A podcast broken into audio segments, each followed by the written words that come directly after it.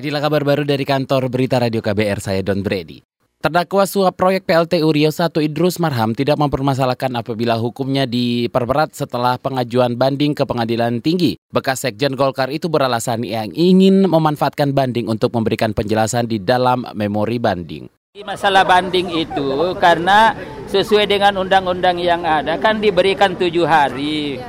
Lalu kemudian ya saya pikir ya karena tanggal 29 KPK sudah banding, ya udah tanggal 30 juga sudah banding. Kenapa? Supaya ada kesempatan bagi saya juga untuk memberikan penjelasan di dalam memori.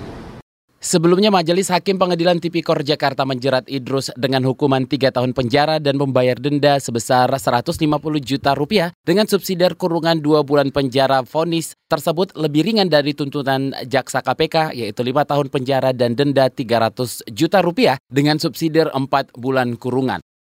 Ahli Hukum Tata Negara Universitas Bengkulu Juanda menilai tim yang menarik saksi dari rekapitulasi penghitungan suara pemilu 2019 akan merugikan pihaknya sendiri. Juanda menyebut tim yang menarik saksi justru mengabaikan haknya untuk mempertahankan sanggahan atau argumentasi saat ditemukan kesalahan.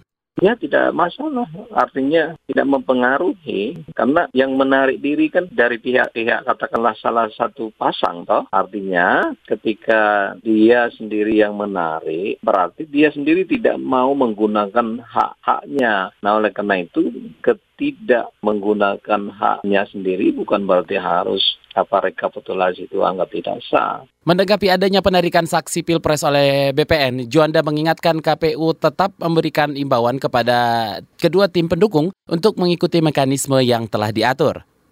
Saudara Sekretaris Jenderal Komite Eksekutif Organisasi Pembebasan Palestina atau PLO Saeb Erekat mengatakan perbuatan dan kebijakan penguasa pendudukan Yahudi bertentangan dengan ketentuan untuk mewujudkan perdamaian. Erekat mengatakan selama satu pertemuan dengan satu delegasi Amerika di Ramallah, tepi barat Sungai Jordan, bahwa mewujudkan perdamaian memiliki satu jalan melalui diakhirinya pendudukan, berdirinya negara Palestina merdeka dengan Jerusalem Timur sebagai ibu kotanya. Ia menekan bahwa tak seorang pun dapat mengubah landasan dan sendi keabsahan serta hukum internasional dan mensahkan rujukan internasional bagi penyelesaian konflik. Demikian kabar baru dari kantor Berita Radio KBR. Saya Don Brady.